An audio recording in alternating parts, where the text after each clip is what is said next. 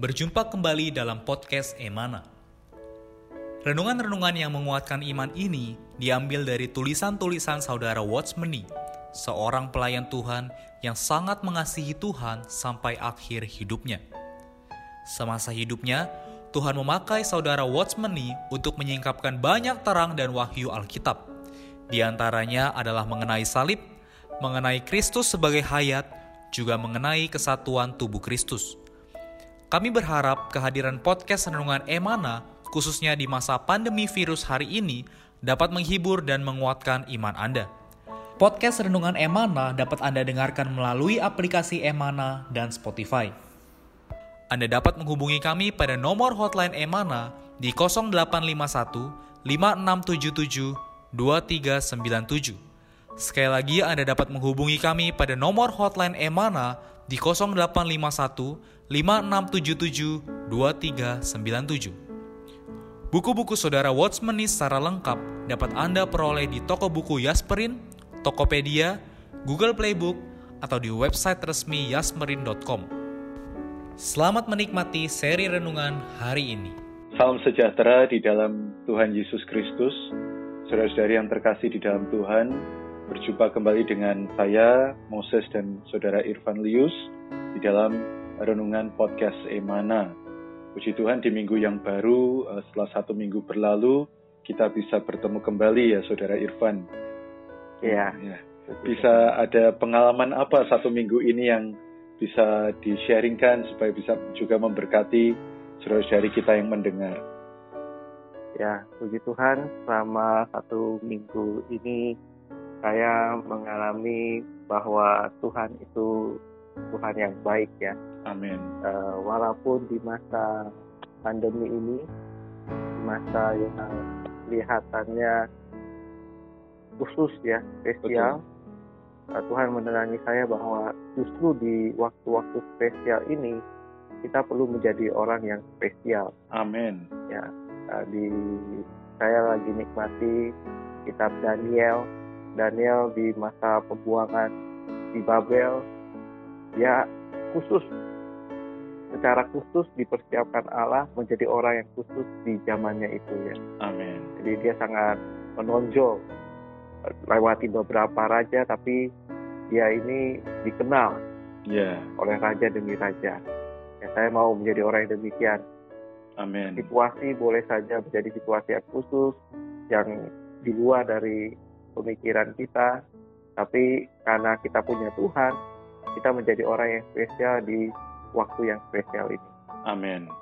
Ya ini juga memberkati saya ya dari satu minggu ini bagaimana Daniel bisa menjadi orang yang spesial karena dia memiliki penghidupan yang berdoa, betul ya saudara ya. Melalui ya, penghidupan yang berdoa, dia memiliki kehidupan yang dalam dengan Tuhan. Nah menariknya minggu ini kita akan memasuki satu renungan dengan judul kehidupan yang dangkal.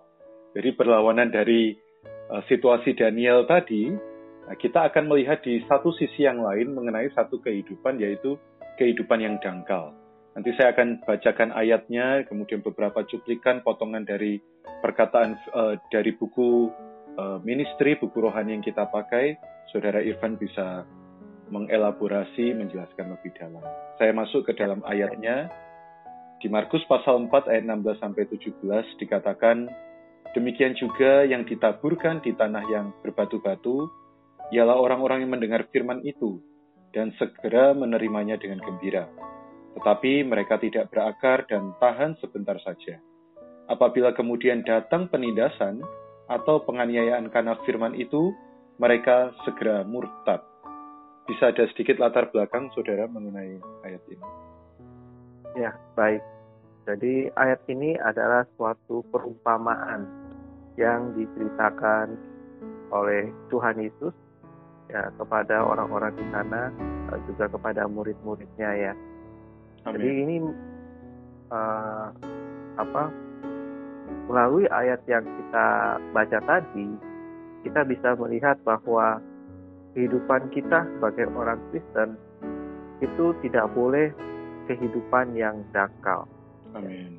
Jadi orang yang kehidupannya dangkal adalah orang yang hatinya bagaikan tanah yang berbatu-batu ini. Yeah. Dia dengar firman, segera menerima dengan gembira, tetapi tidak berakar dan tahan sebentar saja. Ada penindasan, penganiayaan, uh, tapi mereka segera murtad, gitu ya. Jadi uh, semoga melalui sharing kita pada kesempatan ini kita menjadi orang yang punya kehidupan yang dalam.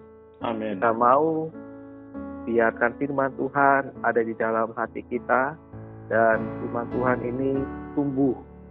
Uh, dia bisa berakar dalam, uh, tidak dangkal dan tidak segera layu.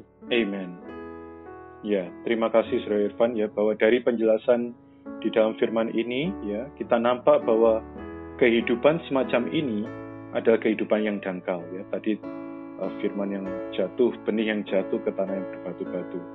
Nah, kehidupan yang dangkal ini tidak bisa tahan lama, tidak tahan ujian. Kehidupan semacam ini pada awalnya kelihatan baik, tetapi kesudahannya tidak baik, seperti tadi saudara sampaikan. Ya. Bahwa kehidupan semacam ini menurut penampilan luarnya adalah segera tumbuh, tetapi setelah itu kesudahannya sangat mengecewakan, karena begitu matahari terbit, ia tidak tahan, ia layu dan menjadi kering. Cepat bertunas, tetapi juga cepat menjadi kering. Tunas yang tidak tahan terik matahari sulit mempunyai harapan menjadi matang. Tunas yang tidak tahan terik matahari cepat sekali layu dan kering. Ini lagi-lagi bicara tentang berakar ya saudara ya di sini. Ya. Amin. Ya. Jadi uh, benar sekali ya bicara mengenai kehidupan berakal. Jadi ya. pernyataan tadi itu benar ya bahwa Tuhan mewahyukan kehidupan yang tidak tahan lama, kehidupan yang tidak tahan uji, yeah. itu adalah sesuatu yang tidak menyenangkan Tuhan ya. Nah, alasan uh, bahwa kehidupan yang datang ini tidak tahan lama dan tidak tahan uji adalah karena tanah ini adalah tanah yang berbatu-batu. Amin. Jadi kalau kita mau punya kehidupan yang dalam, bukan dangkal, maka kita perlu mengangkat batu-batu yang ada di dalam hati kita. Yeah. Ya, batu-batu ini bisa dikatakan melambangkan dosa-dosa kita yang tersembunyi, keinginan-keinginan pribadi kita dari diri kita sendiri, ini bisa menjadi satu penghalang untuk firman itu bertumbuh, untuk benih itu berakar ke dalam. Yeah. Jadi uh, kita bisa punya kehidupan yang datang ke hadapan Tuhan.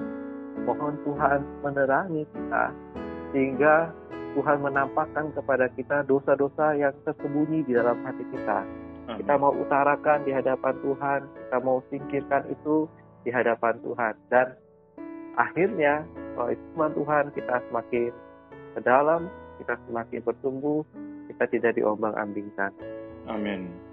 Ya, betul ya saudara ya. Saya jadi teringat memang betul bahwa yang menghalangi seseorang bisa bertumbuh itu adalah dosa. Dan ini digambarkan oleh batu-batu kecil ya, yang ini bukan batu yang besar ya, kecil tetapi menghalangi pertumbuhan dari benih itu ya. Hari ini berarti yang dimaksud juga dosa-dosa yang kelihatannya sepele ya, termasuk itu juga saudara. Ya, betul sekali. Ya, jadi wah ini benar-benar berbahaya jika dibiarkan ya. Saudari sering kali mungkin kita melihat ah ini kan hal kecil ya tidak perlu diakui. Tapi tadi melalui saudara Irfan ya dan apa yang kita baca kita tahu bahwa hal itu harus diangkat, dibuang dari tanah itu jika mau ada pertumbuhan. Nah, saya akan bacakan paragraf selanjutnya. Banyak kehidupan orang Kristen yang keadaan kehidupannya demikian. Banyak orang Kristen ketika baru mendengarkan firman, menerimanya dengan cepat dan senang, mengira dirinya telah memiliki segalanya, melebihi segalanya, bahkan mau mengeluarkan harga berapapun, mau menempuh jalan apa pun. Di hadapan Allah dia mempunyai minat, mempunyai persembahan, di hadapan manusia dia juga bisa bersaksi sangat bergairah. Tetapi tidak disangka, dalam jangka waktu yang singkat, begitu ujian menimpa dirinya, dia mulai goyah, mulai merasa susah, mulai tidak tahan, mulai takut, mulai undur, dan tak terhindar dari kejatuhan. Jadi kalau melihat dari paragraf ini atau yang baru dibacakan, uh, ujiannya adalah uh, waktu ya, ada artinya ada ujian ya terhadap uh, kondisi uh, hati setiap kaum beriman begitu saudara.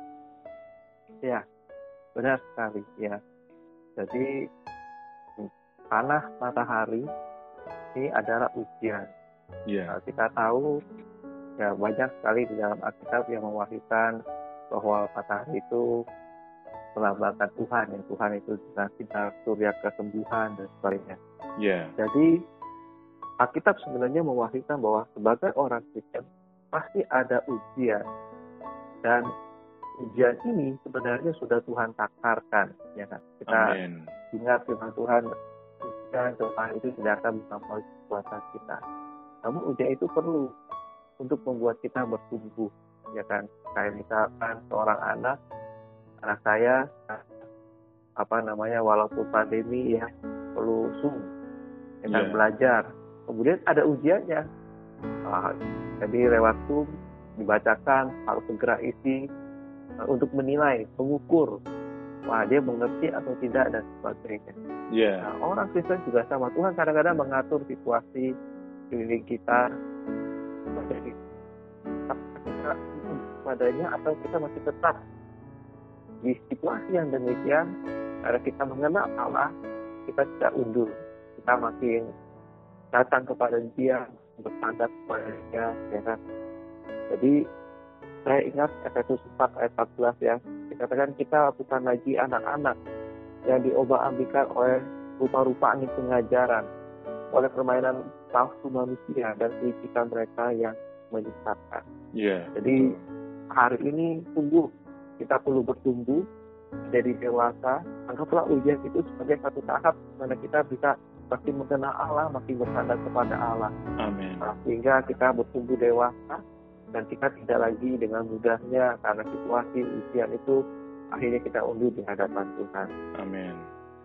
Ya ini sungguh memberkati ya karena memang situasi pandemi ini kita tidak bisa mengatakan bahwa ini juga tidak berasal dari Allah ya ini juga adalah salah satu bentuk ujian. Saudara-saudari melalui renungan hari ini kita juga mendorong eh, bagi setiap dari kita untuk bisa memiliki penghidupan yang dalam dengan cara tadi saudara kita mengatakan kita perlu banyak mengaku dosa. Saya sendiri eh, di masa pandemi ini jadi memiliki banyak waktu ya untuk datang kepada Tuhan. Ya satu malam saya uh, tidak berlutut ya di di kamar saya saya berdoa. Nah di malam itu Tuhan benar-benar memulihkan uh, perasaan yang intim dan personal dengan Dia yang sudah beberapa saat terhilang, saudara Irfan ya. Saya jadi benar-benar mengucap syukur melalui melalui pandemi ini saya punya banyak waktu di hadapan Tuhan bisa lebih tenang untuk berdoa. Saya mungkin bacakan sedikit uh, kalimat penutup ya kemudian nanti saudara Irfan bisa simpulkan dan tutup di dalam doa. Dikatakan bahwa saudara-saudari, kalau kita tidak mau menjadi orang Kristen, ya sudah. Tapi kalau kita mau menjadi orang Kristen, perlu terik matahari. Seperti tadi saudara kita sampaikan ya saudari, ujian itu perlu di dalam kehidupan kita. Kenapa? Karena terik matahari sebenarnya membantu Anda bertumbuh, membantu Anda matang, kalau begitu disinari matahari Anda sudah tidak tahan dan jatuh, itu berarti Anda sangatlah dangkal. Penyinaran di bawah matahari hanya bisa menyingkapkan keadaan Anda yang sebenarnya. Penyinaran matahari tidak bisa merampas barang sejati yang Anda miliki. Apakah firman Allah tidak tahan terik matahari? Tidak. Masalahnya bagaimana firman Allah di atas diri Anda. Kembali kepada diri kita masing-masing hari ini. Amin. Ya betul sekali ya. Jadi kita orang Kristen memang benar perlu terik matahari. Ya, jadi kita boleh menganggap masa pandemi ini adalah terik matahari yang berasal dari Tuhan. Iya. Ya, tadi saya katakan matahari kadang-kadang juga melambangkan Tuhan dan saya ingat ya bahwa firman Tuhan itu juga pelita bagi kaki kita, terang bagi jalan kita. Amin. Jadi hari ini kalau kita tidak mau memiliki kehidupan yang dangkal, kalau kita mau memiliki kehidupan yang dalam, kita perlu datang kepada Tuhan. Kita tadi berdoa, mengaku dosa di hadapan Tuhan. Namun mengaku dosa ini bukan mencari-cari, tapi kita datang bersekutu dengan Tuhan, datang kepada firman-Nya, biarkan firman Tuhan itu yang menerangi kita, Amin. mengungkapkan, oh saya hari ini berbuat salah bagaimana, Amin. berdosa terhadap Tuhan bagaimana. Kalau ini berasal daripada Tuhan dan kita mau serahkan kembali kepada Tuhan, yakinlah maka batu-batu itu, dosa-dosa itu sudah diangkat oleh Tuhan. Uh, kita dibersihkan dan tanah ini akhirnya bisa tanah jadi tanah yang gembur. Benih firman Tuhan yang ada di dalam kita, dalam hati kita yang sudah ditaburkan ini bisa bertumbuh. Makin Ya. lama makin dalam, makin lama makin berakar di dalam Tuhan. Amin. Jadi uh, hari ini semoga kita tidak hanya aktif di luaran. Ya, kalau misalkan dangkal ya, akarnya tidak dalam, hanya yang di luaran saja, aktif segala macam, kita lupa doa, kita melakukan segala sesuatu, kita akan dengan mudah karena tidak berakar ya angin datang, mau bisa segera Betul. tapi kalau akarnya itu dalam, nah, tidak akan Berpengaruh ya. tumbuh ya. Amin. Puji Tuhan. Ya ini satu renungan yang menguatkan kita semua. Kami juga berharap seluruh saudara-saudari, eh, rekan-rekan kaum beriman di seluruh Indonesia tetap di masa pandemi ini eh, tetap kuat.